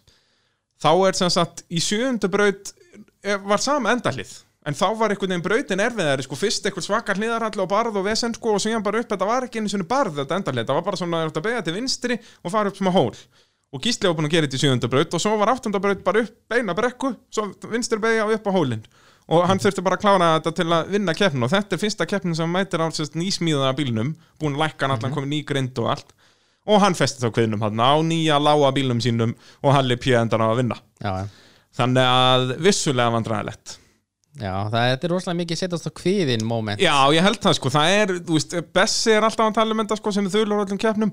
Það er ekkert vandræðilega heldur en að setja sko kveðin en síðan er alltaf eitt mjög vandræðilegt. 2009 Akureyri 2009 Guðbjörn Grímsson fær sem var nú í spjalli hjá þér um daginn. Jú, jú, hann fekk bílinn og rekka Róbert lánaðan. Það er rétt. Og hann fer yfir þeir getur maður hefur séð þessar litlu hólar sem er hérna áður og fer í brekkunar Akureyri? Já. Og hann fer og sest á kviðin en næra að losa sig bakkar og sest aftur á sama, sama hólinn aftur. Þannig að það komið tvið svo sinni umröð svo þetta var í fyrstu braut. Svo settast hann aftur á kviðin reyndar ekki sama hólinn held ég í fymtu braut. Þannig að þrís var á runni á sömu keppninni það er dálítið vandræðilegt Það er rétt, ótrúlegt að hann myndist ekkert að þetta í spjallinu hann er lungu búin að gleyma þessu Það er búið að þurka þetta út úr minninu hjá honum sko. ég held að það verður bara gert daginn eftir sko. Já, það er svolítið svoleiðis. Já, þetta er góða punktur sko. Ég- er Gott ef þetta er ekki bara vandræðilegasta mögulega. Það er, eh, en síðan erum við með sætasta moment líka. Já, Þar er ég með eh, Ingimár Björnsson. Hann fer upp sjöundubrautina í byggarmótinu í Jósastal 97 Þetta sést keppni, hann var með fullt úr stiga eftir fimm brautir. Búin að fá 300 stigur öllum brautum og ekki snert þetta einasta dekk Svo sest hann á kviðin í, í lokabarðinu í sjöttu braut Bætir svo upp með það í sjöundu braut Sko allir búin að kút velta niður þetta barð Rafn Arna búin að fara bakflip og... Jep, þetta var bara geggjað og gísli G sko hrinur hann niður og, og rústar framvendar með bílum sínum ekki í fyrsta giftið og Ingi Már flýgur hann upp klára breytin að þetta var ekki endamarkið hann uppi sko, þið þurfti Nei, að nei. fara í smá liðarhalla og svo niður og endarliðið var á jafnsléttu Mhm. Út að síðan sko eftir honum kemur Einar Gunnlaugsson og hann flýgur upp líka, búin að sjá að þetta er fært. En síðan festist hann á kvinnum hann sko, sem mér finnst þetta að gera ennþá sætara moment fyrir Inga Má. Já, líka sérstaklega hann lendi hvað í fjórðasæti í fyrirumfyrinni sko. var samt heimsbyggamestari Já, já, út af því að einmitt að gísli brýtur hann allt af framann og, og uh, missir að síðustu brutinu missir að síðustu brautin sem var bara tímabraut sko, hann hefði bara þurft að lulli gegn til að vera byggamestari en, en gísli, já, hann var svolítið á þessum árum svolítið að vinna með þetta. Já, en svo náttúrulega verður hann Íslandsmeistar hann 97 og, og bara 5 ár eftir það streitt. Já, það er rauninni mitt sætasta moment kannski. Já, rauninni, Gísli náttúrulega hvað lendi öðru sæti 94, 95 og 96 var ekki alltaf eitt stígulitt að ná jú, eða eitthvað? bara hálsbreytt og missir að heimsbyggatitli í 97 og vinnur svo hellu með því að vera held í smá vandræðum En hann vinnur ekki hellunöfli, Einar Gunnlaugsson vinnur og Já, hann er nær þriðja sætinu held ég Hann hefði þurft að vera í fjórða Já, eitthvað svoleiðis, þarna var aftur bara, þetta voru nokkur stig sko, bara einar, sem var einar, rétt. Einar þurfti að hafa hann held í fjórða sæti eða neðar. Já, akkurat, jú. Og hann lendir í þriðja sæti og, og miss rétt nær nefnilega hvað þriðju, næst síðustu breytinu minni mig. Já, það er sko, við skulum hlusta núna á, á viðtal, það er það sem ég á svo geggja við innan þátt líka, sem er hægt að finna á YouTube held ég, á, á gamlar torfærukeppnir síðunni, að við skulum hlusta núna á gísla, sko, þar sem að þeir, það er komin upp bílun í bílnum og við vitum ekki alveg hvað það er. Við skulum heyra í Gísla hvað hann hafði um síðustu þraut að segja og hvað hefði komið fyrir bílinn. Gísli, hvað kom upp að hjá?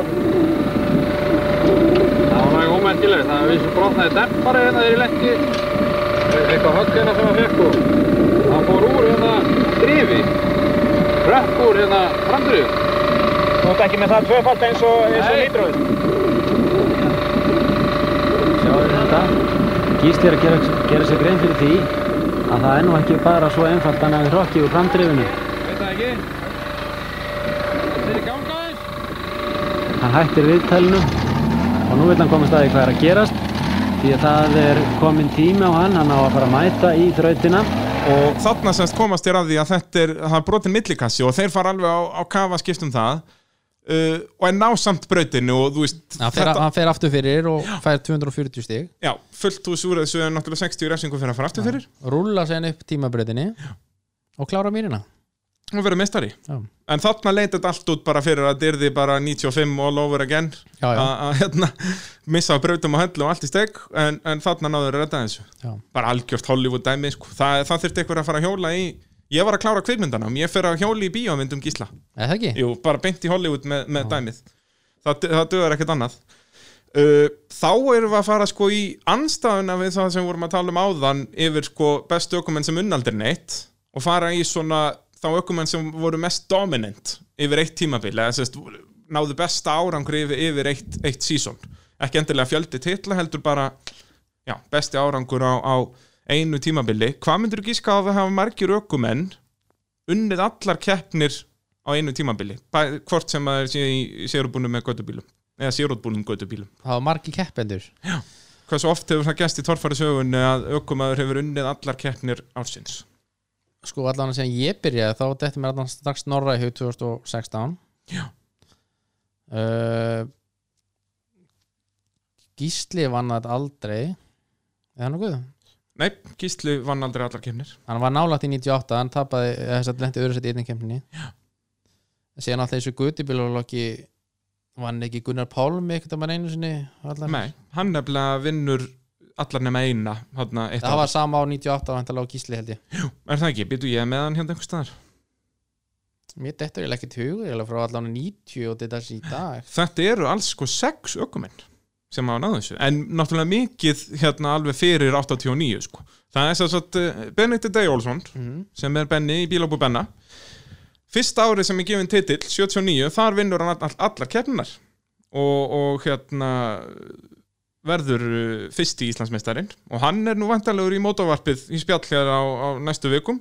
Þannig að hlustandi góður, við, við byggjum spennt eftir því. Það er mjög gaman út að hann var líka mikið sko, í kvartmíl og sandspennu líka og þessi villi sem hann var náttúrulega geggjaður hann er fyrstu til að koma með hérna, skópludekkin inn í þetta og bara algjört legend þegar kemur að íslensku motorsporti Þannig að það verður virkilega gaman að, heyri honum hér í mótavarpinu.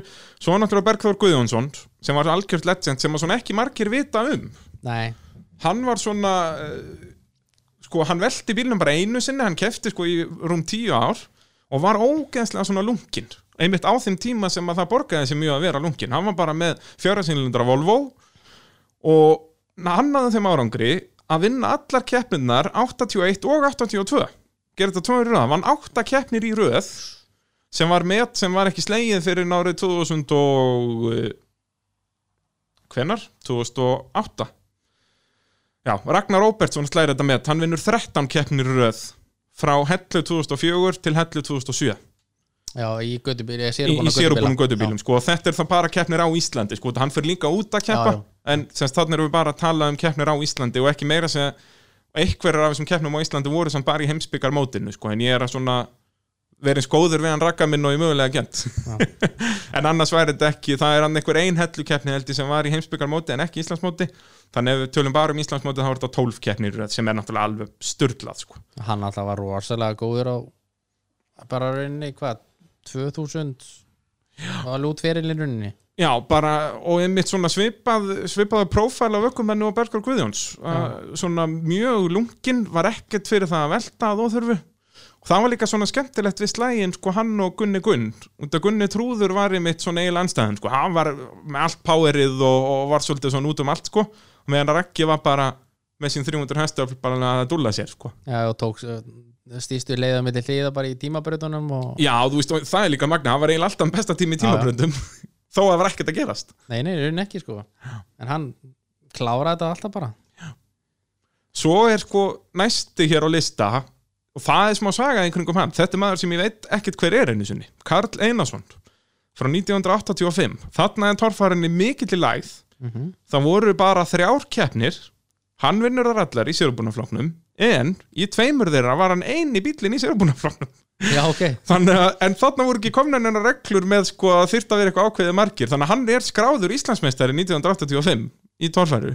Þó hann hafi sem sagt teknilega sé bara unnið eina keppni með samkeppni já, já. og síðan var hann já, eini bílinn í flokknum í, í þessum tveimur hinnum þannig að já frekka spes og torfærin já í mikill lag þannig, þú veist eins og síðasta keppnin á Akureyri það voru sex keppendur, fimm göttubílar og svo Karl. Já. þannig að, að vissulega verður maður að skrá þetta í sögubækurnar en, en já, Já, ekki erfiðasti titill sem hefur verið unnin hann Nei, Uh, svo náttúrulega Átni Kópsson, hann náði aldrei að vinna allar keppnir. Besta árangur í honum er að vinna 6 af 8 keppnum.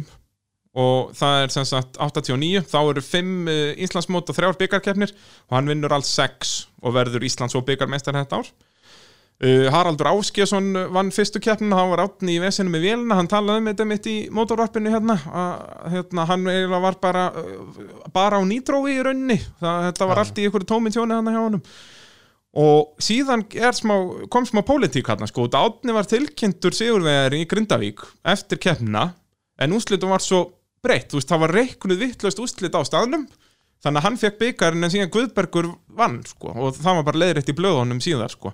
og það er mjög gaman að lesa einmitt svona gamla blaðangreina sko, af við höldum að þetta sé slæmt á Facebookinu í dag. Já, þetta var tæknilega sér verra á þessum tíma sko, þá voru skítakommentin á Facebook, þau voru bara skrifið í blöðin. Já, já. Þarna ég var bara að lesa grein þar sem var bara verið að hrauna yfir stakk sem ég held keppnina fyrir að halda lélega keppni bara í opinberu blaði þannig að ég held að við höfum það bara ágætt ef, ef við náum að halda skítakommentunum bara á Facebook sko. en, en þá er allavega ekki svona official umfjöllun að vera hraun yfir hitt og þetta. Var ekki bara bilaði prentar að það út af þessi keppni ég voru til prentarar hann Já, það er spurning það er, en það er allavega jú, keppnisaldin var í einhverju tómi tjónu, þú veist, þá verið að búa á sko starfsfólk bara milli brauta þetta gekk svo hægt og eitthvað, ég held líka gott ef þetta er ekki bara síðasta keppnis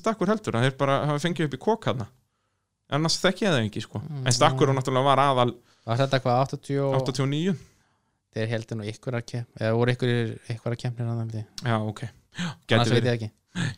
En, en þetta er svona lokn út af hann uh, Ragnar Skúlason 94 í, í góttubílafloknum þar vinnur hann 5 af 6 Íslandsmeistarakeppnum. Eða sest, já, keppnum í Íslandsmótinu. Þannig að það gaman að, að var ekki kjartan Gutti sem að Jú, hann vinnur hann eina á Akarnesi sko, tekur fullkomna rekordið af okkar manni Raka Skúla. Já, en, en þeir eru náttúrulega báðir á fullu í kringum í dag.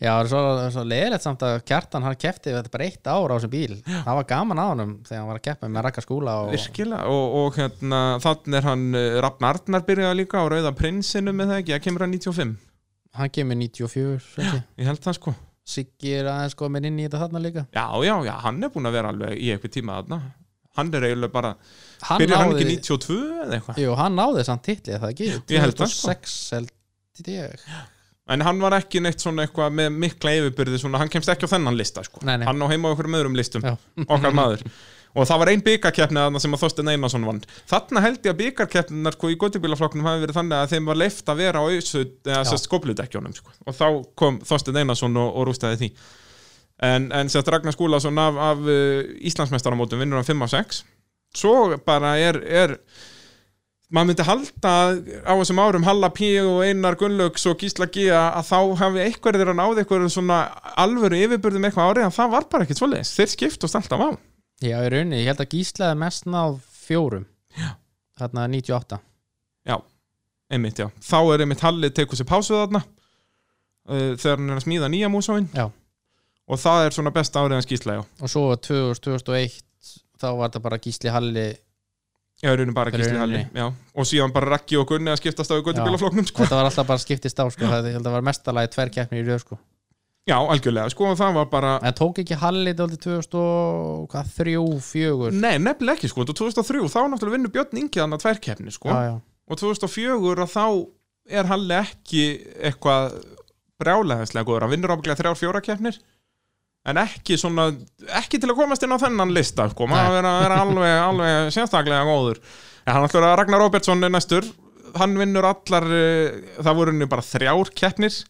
En vinnur allar keppnir eh, 2005 og þar að meðal sko Víki Myrdal vinnur hann yfir heildina sem var það fyrsta keppnin. Já, já. það var bara keppt einu sinni þar ekki, það ekki? Já. Víki Myrdal. Það var einmitt fyrsta keppnin sem, ég, sem er mitt marathon er. Já, er það svoleiðis? Ég hef það alla keppnir síðan 2005 Síðan Víki Myrdal 2005 Já, Þar, hef- og þú hefur tekið vítjum af þeim öllum. Já. Það er og geggjast það var sko Víki Mýrdal þá var sko þetta var svona Jósisdal rigning allan tíman Já, þetta var ógeð, ég man eftir þessu þú veist, bara þættirum frá bygga sko. Já. Þetta var ógeðislegt.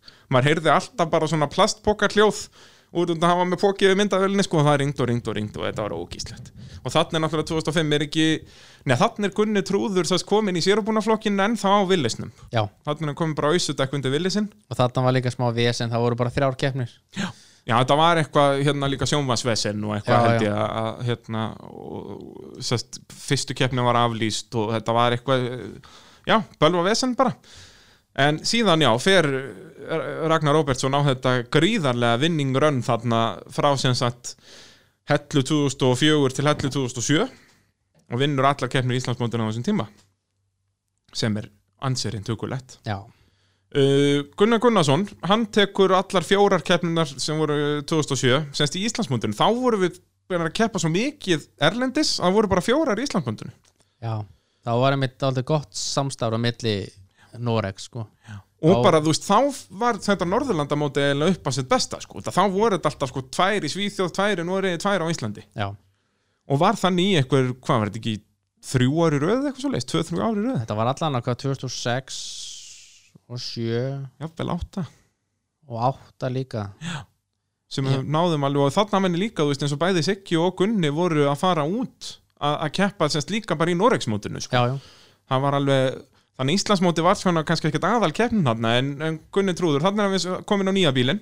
Já, sérubúna bílinn og já, rústar Íslandsmótinu hann 2007 uh, Jón Örn Ingilefsson annar maður sem ég væri virkilega mikið til að fá hér í, í mótavarpið. Gunni trúður bæði við er á leiðin í mótavarpið líka ég er búin að hafa samband við hann. Það er bara um leið og að má fara út að þá hjólum við í það. Það er bara komið listi bara. Já, já, bara hlustendur góði býði bara sko. það, þó að ég lengi heima bara í sótkví að þá geta alltaf treyst á mótorvarpið. Ég bóði inn vel á AB varahluti djúðlir er góður að ég er svo góður að byrja að plugga alltaf bara reglulega, þetta er indislegt heldur betur maður. Jón Örn Ingilegsson, 2010 vinnur hann 5 af 6 keppnum. Hafsteð Þorvaldsson vinnur hann á Akureyri eina keppnina. Og Jón Örn náttúrulega, já, var á geggjum bíl og geggjaður ökumæður Já, bara hann átti alltaf að keppa í Nóri Já, auðvitað, já, nú er ekki Noregur. Ó, ég var fann að hlakka! Þessi veira er alltaf að skemma eitthvað fyrir mér sko. Ég var orðin svo peppaði fyrir Formule 1 Það var ekkert að því. Svo, ó, En hvað, ég ætla Þór Þormar ekki að lána honum eitthvað í einhver aðra keppni eða eitthvað? Ég verð að sjá Jónörn á þessum bíl. Já, svo er náttúrulega spurningin með Nóri hvort að hún verði setna um sumarið Haustið, eitthvað? Maður veit ekki sko, þetta er náttúrulega þetta er ekki langt tímabil í, í motorsporti þannig að það er erfitt að fresta og það þarf bara að búið til nýtt aðtalandi bara. Já, það er, þú veist, er ekki að kýsa eitthvað Þeir hljóta að vera að taka eitthvað ráðstafan Er að að eitthvað. Ég held það sko, það getur ekki annað verið. Uh, Jón Vilberg Gunnarsson 2013 í Göttibílaflokki vinnur hann þrjára fjórum kemnum, náði ekki alveg fullkomni. Stengrim Bjarnason tók hann Akureyri hann náði ekki fullkomni en Jón var náttúrulega aðal maðurinn hann hann verið meistar í Göttibílaflokki 2012 og 13 og svo í sérubúinu á Göttibílum 2014 Já. þannig að hann á mjög gott rönn þarna og náttúrulega er núna á uh, Lightfoot. Kefti, hvað, bara tvær kemnir í fyrra, þrjár? Hann kefti bara tveim kemur um Akureyri. Já, tók báðar Akureyri keppninar og er það rétt að hann ætla ekki að taka allar keppnir í ár? Var ég, að heyra það? hef ekki heyrt það en, en ég hann að sá þeir að breyta ykkur já, Já, já, það er alltaf að gerast. Og náttúrulega byrja að smíða bílinn fyrir gamla. Já, Gunnar Pálmi, náttúrulega legend í íslenskri torfæru hann ætlar að smíða og ætlar að gera þetta þá bara eitthvað upp úr lightfoot eða verður þetta eitthvað svipa koncept um það, veistu það? ég er bara ekki klárað því sko en náttúrulega ef að Jón Vilberg til dæmis myndi vera með í öllum keppnum þá er hann algjörlega kandidat til að vera í titilbaráttu. Algjörlega. En ef, ef hann ætlar bara kannski að keppa í nokkurum þá náttúrulega geta hann trubla náttúrulega líka. Ég minnst bara magna að hann mun ekki taka full season sko, þetta hann er geggjaður okkur maður, þetta er geggjaður bíl Hann verður að taka, Jón Vilberg, ef þú ert að hlusta það er eins gott að keppa í öllum keppnum. Það er bara svo leiðis heldur betur Uh, næstur á, á lista yfir uh, dog, ég þarf að finna betra nafn yfir dominant ökumenn. Eitthvað svona bara sem, yfir ökumenn sem voru með mikla yfirburði. Já. Ívar Guðmundsson á Kölska 2015 göttubílasísonu þar vinnur hann 5 af 6 hann hafði aldrei að vinna allar kefnir þó mann er samt einhvern veginn minnir þá þannig að hann var það geggjaður á þessum árum sko. já, en Stengurinn Bjarnason enn og aftur kemur alltaf og tekur einu og eina sko. hann er svo lúmskur. Já, hann er að skemma fyrir mörgum. Já, hann er að skemma fyrir mörgum sko. en, en Stengurinn Bjarnason mitt vinnur hann á, á Blöndósi 2015 þannig Ívar Guðmunds uh, tekur 5 af 6 svo náttúrulega Snorri Þór Árnason eitt bara geggjaðasta tímabil sem okkur maður verið átt í torfæru. Uh, 2016 vinnur allar keppnir í Íslandsmótinu og svo tekur bandaríkja titilinn ofan að það. Eina sem vantaði að hann tapa var í öðru seti Nesi Jú, þá vann hann samt fyrra fyrir daginn minn mig en Óli Bræði Nei, hann, Nei, er hann ekki vann, 2016, er þetta ekki Hann vann 2016, Nes? Var það ekki þegar það var í Nóri? Var það 2015? það var 2015 Ah, þannig að hann er Nesmeistari líka hann Hvað minn góður. Það er já, eins og ég segi, eitt geggja tímabil. Með með þess að hann hafi verið með það var reynda fyrir dagur var bara fimm brautir. Hann náði samt fullús stiga í fimm brautum. Tímabrautinu var hérna fell niður út af ykkur Alveg rétt, dæmi. alveg rétt, ég man eftir þessu. Þannig að hann fór nú langt með þetta fullt hús bara. Já, þetta var bara ruggla tímabil sko. Ég held það hefur enginn farið síðustu árin með fullt hús stiga, ekki hann hvernig eða nokkuð. Það ég man bara eftir Snorra sem var nálægt í Stapafelli en náði ekki alveg, hann var með annan besta tími í tímabrutinu, þú veist, hann munnaði þre- 13 stigum með eitthvað frá því að vera já. perfekt skor En já, hann næði hann á Akureyri, já en á hellu þá var hann fyrri dagurinn sko Já, þannig er þetta á hellu, já, alveg rétt, já, hann og Ólfur er að keppa á hellu Já. í tveggjadagamótinu fyrri dagurinn nær hann fullt hús stiga í fimm brautum en sjötta brautin var var feld niður út fælt niður út af ykkur tíma þetta var tímabraut, þetta var Já, eitthvað hvað var það? Þannig að Það það, er eitthvað- allir fyrir næstu í framfyrir Já. sig Var það út af því bara að fólk treystist? Nei, Nei, þetta var eitthvað það var eitthvað, það var eitthvað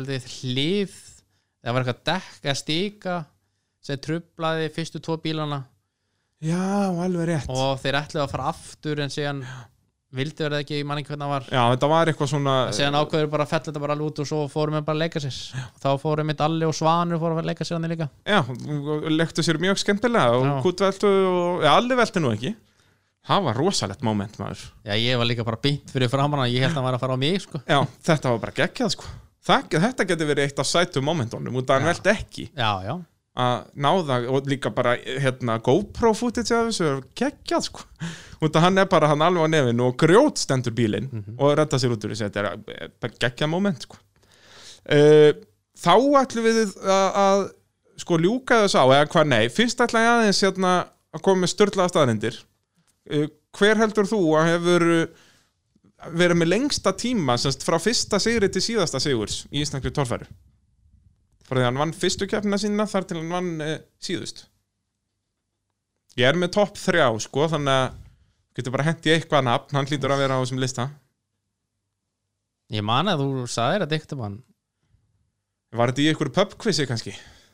Það getur það verið getur sko. verið, ég hef gert uh, þó nokkur pubquiz. Þetta er samt ekki Siggi eða nokkuð.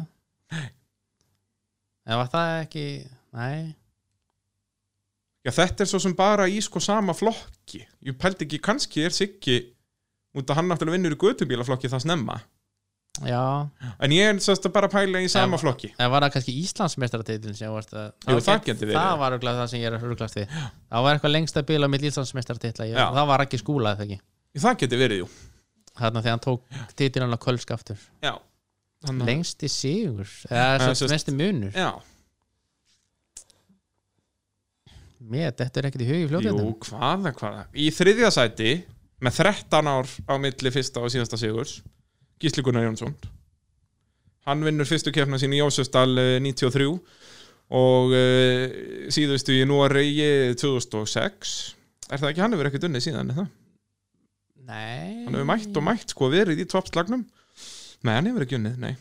Þannig að það eru 13 ár. Svo náttúrulega Átni Kóps Það er hár rétt þér. Það er Hann ding, alltaf ding, ding, ding, ding, ding, ding, býtu Ég er farin að læra alla takkana hér á podcastuðinni mínur herrar. Hann Það alltaf, er- hann alltaf vann hvað Vestmanæja 2012 Já, og fyrstu keppna vinnur hann 89 Þannig að það er fyrir það sem kunna reikning 23 ár, held ég.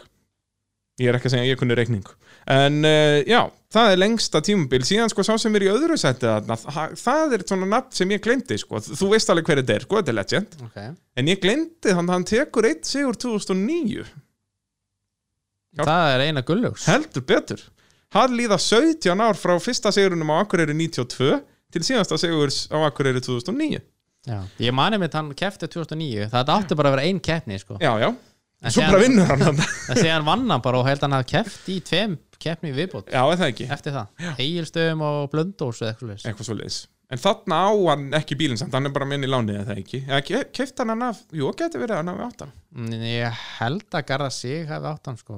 Geti verið, ég man að Jónur Ingilef sem fekk, Ingilefsson fekk hann lánaðan 2010 til dæmis. Já, ok. Þá var eitthvað vel að vandræði í górdrengnum og, og hann vantaði nokkur stig til að tryggja sér titil held ég nánast. Ja, hann hefði þriðja sæti, hann lendi í fymta sæti hann hefði þurft nokkur stig viðbútt sjá rústaðan bara síðustu keppninni. Eins og hann gerir bara. Já, það er bara svolítið svo leiðis uh, þá ætlum við að ljúka á sko hvað okkur finnst skemmtilegustu torfæru árin eða sérst tímabilin.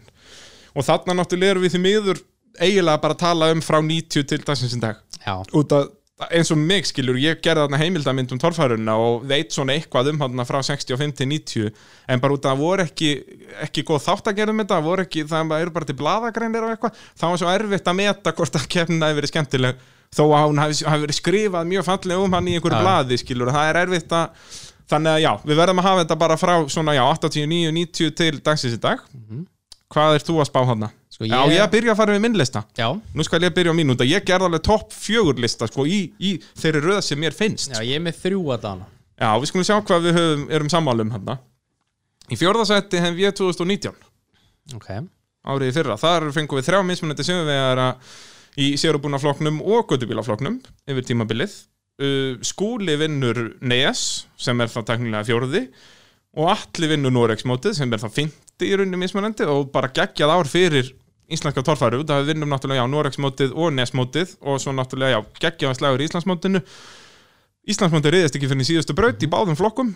Við fengum geggju tilþrif Haukur og Akranesi náttúrulega þar eh, efstur í flokki með sitt uh, heljastökk þannig að já, rock solid uh, tímabil finnst mér. Þetta er þetta ekki á mínu lista en ég myndi örgulega að setja þetta á minn lista. Já, þegar þú segir þetta svona. Já ég, ég er svo góður að bladra um þetta uh, þriðja sætið set ég 1999 þar fengum við fimm mismunandi sigurvegara í sigurbúrnafloknum og svona mikið að skemmtulegum nýjungum. Þannig ekki Musóin nýrin uh, þetta er sérst síðasta árið áður en að Ísak kemur. Og þá náttúrulega skiptist þetta upp í Lía og Ísak sem var, þú veist, þannig að þannig erum við ennþá með Helga Sjött og Einar Gunnlaugs og þess að kalla í toppslagnum sko. Uh, og náttúrulega já, slagurinn í, í Gautubílaflokknum var mjög skemmtilega líka. Ásker Jamel, Gunnar Pálmi og Gunni Trúður náttúrulega er þetta svona fyrsta góða tímabilið hans. Þannig að, og að líka þetta tímabil voru tvisar sinni sem kom að gutubíli vann heildakefni Já, Gunni Trúður vann hann eitt byggarmót Já. og svo náttúrulega Ásker Jamil vinnur fyrstu keppnina á, á Akranesi. Nei, á Akureyri segi ég Þannig að, virkilega áhugaverð tímabil fannst mér og er í þriðasendi yfir, yfir mín skemmtilegustu uh, torfæru ár. Og þeim hlustandi góður endilega kommentuð undir þráðin í torfæru áhuga menn með þessum þætti hvað ykkur finnst skemmtilegast. Í öðru seti á mér 2018 Ég er með tvö bara síðustu tímabil hér á lista. Þar uh, fengum við fjóra mismunandi söguvegara og fymti mismunandi kom svo í bandaríkjónum þegar að Maggi vann þar. Atli vinnur nesið þannig að við erum með mestara þar líka uh, og rétt eins og 2019 þá ríðast mótið bara í síðustu braut uh, í báðum flokkum er það ekki, jú. Uh, það er þrýr mismunandi söguvegar í göttubílaflokknum og já geggju tilþrif, þú veist Þór Þormar Egilstöðum, hann mun allir eftir því. Geggju þáttaka bara já, geggja tímabil. Ég held að Nes var ekki svona 40 keppendur eða eitthvað. Jú, ég segja það, þú veist, og bara já, frá að til löf, frábært. Uh, í fyrsta sæti tímabil sem við erum búin að nefna allavega svona 15 sinnum í þessum þætti 1997 þar eru Einar Halli sko, sigurvegarar, Einar Gunnlaugs Halli P, Petur Bakari Gísli G og Ingi Már. Uh, Einar vinnur fleiri keppnir í Íslandsmótun en Gísli. Já. Einar vinnur tvær, Gísli bara eina samt verður Gísli meistari með þessu drama sem við vorum að tala um hérna áðan. Uh, mikið að nýjungum. Þarna kemur Einar Gunnlaugs og Helgi Sjött með sína bíla, nýji Nordektirekin og nýji Frissi Friski uh, Þorsteinn Ingason kemur með Musóin sem hétt þá, sem er sérst verður Örnin uh, Halli P. kemur með nýja yfirbyggingu á sinn sett með Musó lúkið sko, en var ennþá á gamla kjör í spílnum. Ég myndi sömu keppni og Gísli kjöðu með nýja lúkið á eigistum Já, þannig að hérna, svona mikið áhugaverðu punktum þannig og náttúrulega Gísli kemur með nýja bílinn sest, smíðar grindin alveg upp á nýtt.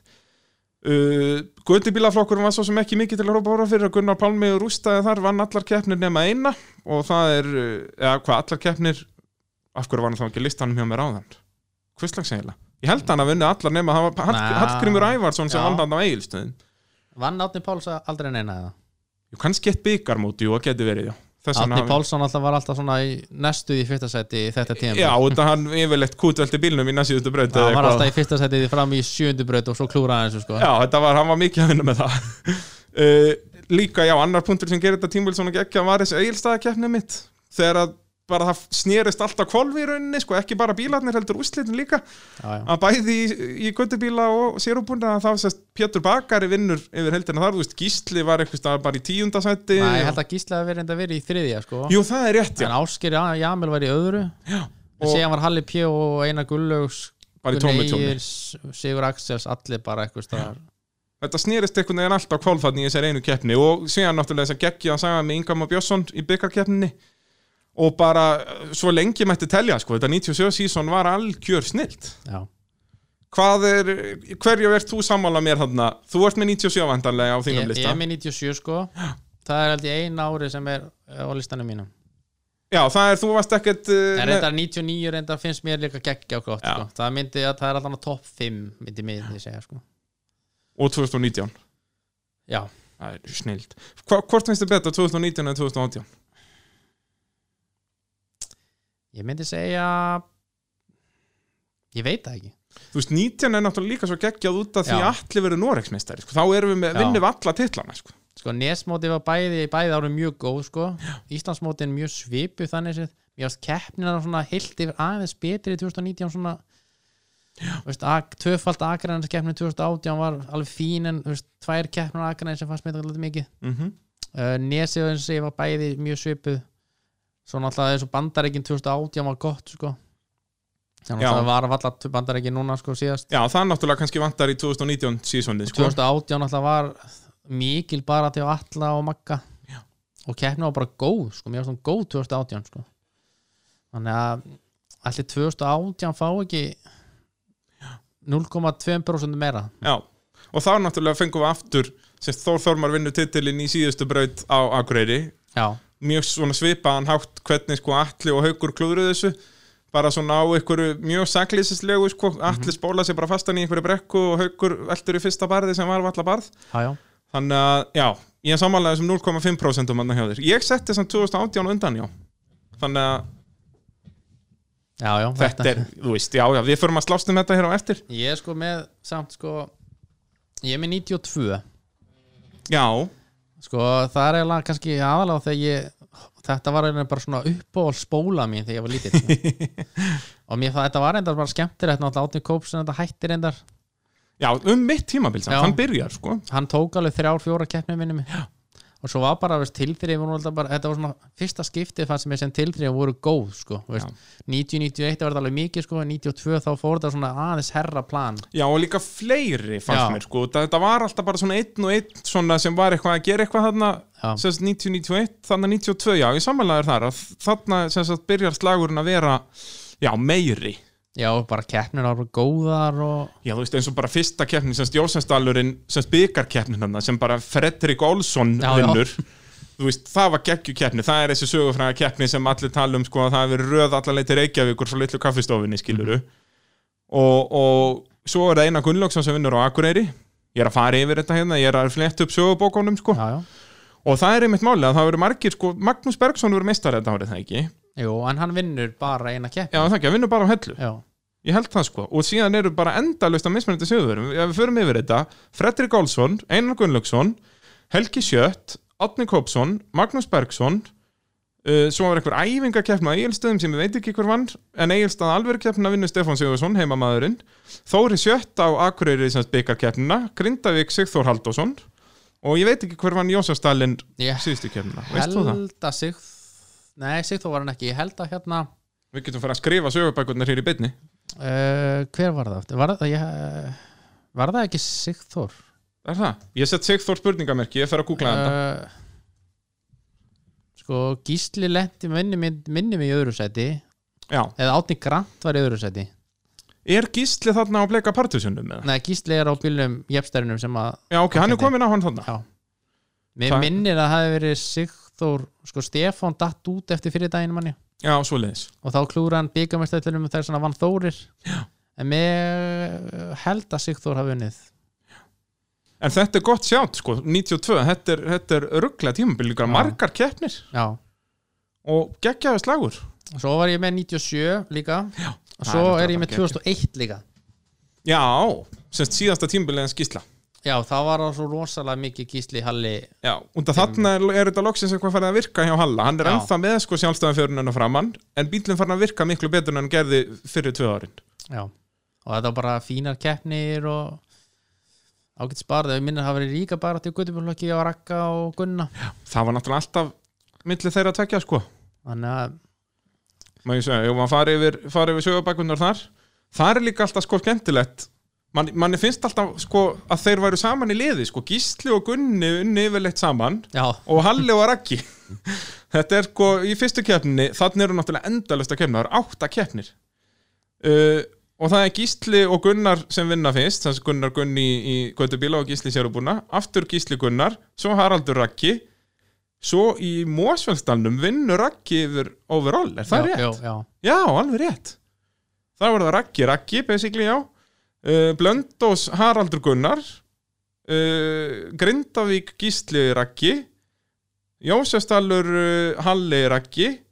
Og Jósefstallur síðasta Björn Ingi og Raggi. Já, Það er eina annars, ef ekki verið fyrir Björninga þá er þetta bara sömu já, já. Þetta, en það er líka það sem gerði slægin svona geggja. Og þeir voru náttúrulega alltaf að þú veist Gunni Áskis og, og Björn Ingi voru alltaf og Sigurður Þór. Já, já. Og líka sko, þetta var líka bara alltaf sex keppnir, það var alltaf bara sex umfyrir fyrst það var Íslandsmótið, svo bættist tvær og svo heldum með stígunum og, og, og, og bættist sér tvær umfyrir við sko. það, það, mér finnst alltaf að bandaríkin eigi að vera svoleiðis já, að bandaríkin eru bara svona auka keppni þú veist, menn haldast í honum, en það er náttúrulega liðakeppni núna verður svona basically þannig mm. -hmm. þá gilda bara 6 af 8 já, já, eða 6 af 7 ef Noregur verður ekki Mhm. Þannig að það er svona teknilega saman sko. en, en mér fannst það nefnilega mjög skemmtilegt koncept að heimsbyggamóti var bara svona framlenging. Já, bara þú helst stígunum innum og svo bara bættist árunni bara við tvær keppnir sko. Og líka í Grindavík það náttúrulega er smá drama þannig, Halli náttúrulega var með fórhunduna held ég. Og svo fer eitthvað keðja eða eitthvað. Bara millikassinurinn, keðjan í, já, fer hérna í tímabröðinni og svo náttúrulega tekur gíslinn náttúrulega aldrei neitt sens í síðustu bröðin og lætur bara vaða og fer hérna þetta er hálfgett heljastökk hérna eitthvað. Já, geggjað dæmi sko. Og Siggi veltir hérna og Gunni missir hérna hjálminn hann líka. Það er náttúrulega þessi braut. Við hefðum átt að hafa sér bara kapitula með uppáhaldsbrautunum en já. þetta er ánefa mín uppáhaldstorfærubraut Já, ever. já. það er bara svo leis þetta er var, út af þeir fóru allir fullblast í þetta sem var svo steikt út af að það var vika í næstu keppni. Já, já, þeir, það, það er nú bara venjulegt held ég hjá þeim já, reyndar, þeir eru ekkert að stressa sig á því sko. en þetta var rosaleg braut en þetta er allavega þessar, þessar uh, ár hjá mér allavega. Mér finnst samt sko á þessum tíma þá, þá var maður að fylgjast með þessu allt öðruvísi sko. þarna var maður bara að horfa á þetta með sjónvarpinu Já. og var bara, bara venjulega áhverjandi í rauninni. En núna er maður komið svo mikið inn í þetta. Að svona síðustu 5-6 árin þá er einhvern veginn allt öðruvís að horfa á þau tímabil. Þess vegna setti ég ekki 2018-2019 á. Og þegar maður horfur einhvern veginn allt öðruvís á þetta ég er alveg samanlegaður og þegar ég er náttúrulega búin að horfa á 2018-2019 svona 3000 sinnum þegar maður er að klippa þetta sko. yep. en hínum með þegar maður er að horfa þetta í gamla daga þegar maður var bara úlingur þannig séð, þá var maður bara að horfa þetta bara, bara beið og beið til þáttunum Já. en þarna er maður bara komin hínum með við borðið sko. já, ég segi það, ég er alveg samanlegaður þarna að- Þannig þetta horf- er einhvern veginn og mér finnst þetta miklu meira að fara í graut núna sko með, með að nýju gernistímabilin sko. Ég á núna í mesta bastli að muna hvort að eitthvað gerist 2017 eða 16 sko. Já, já, en ég er alveg með upp á 10 hvort það var 96 eða 95 sko. Já, já, maður er með það allt maður er alveg út af maður er búin að horfa þættina þar svo oft sko. En núna já. þegar maður er hinum einu borðið eins og þú segir þá fyrir þetta einhvern veginn í miklu meiri já, en samt sem að það er algjörlega geggjað og bara, er mér finnst þetta algjör heiður að fá að- gera sjónvasett um þetta og, og, og vídeo sko. Já, maður sko horfður svo mikið á þetta í gamla daga og maður hugsaði alltaf, djöð væri til að gera þetta maður, við erum bara í þessu, svo er maður bara komin í þetta ég segi það, bara draumatjópið rauninni, þetta er bara, bara störtlað og bara indislegt eigum við, eigum við ekki að- segja þetta gott þá með þessum fallu orðum frá okkur Jakobi? Jú, ekki bara? Þetta var mótorvarpið í bóði yðinvélar og, og hvernig fallbeðið maður yðinvélar þetta, þetta, var, þetta var í bóði yðinvéla og Abbi var að hluta. Það ekki? íslensku fræðingar hann úti þegar verða að benda mér á þetta. Uh, takk kærlega fyrir að hlusta og eh, þángan til næst. Bless, bless.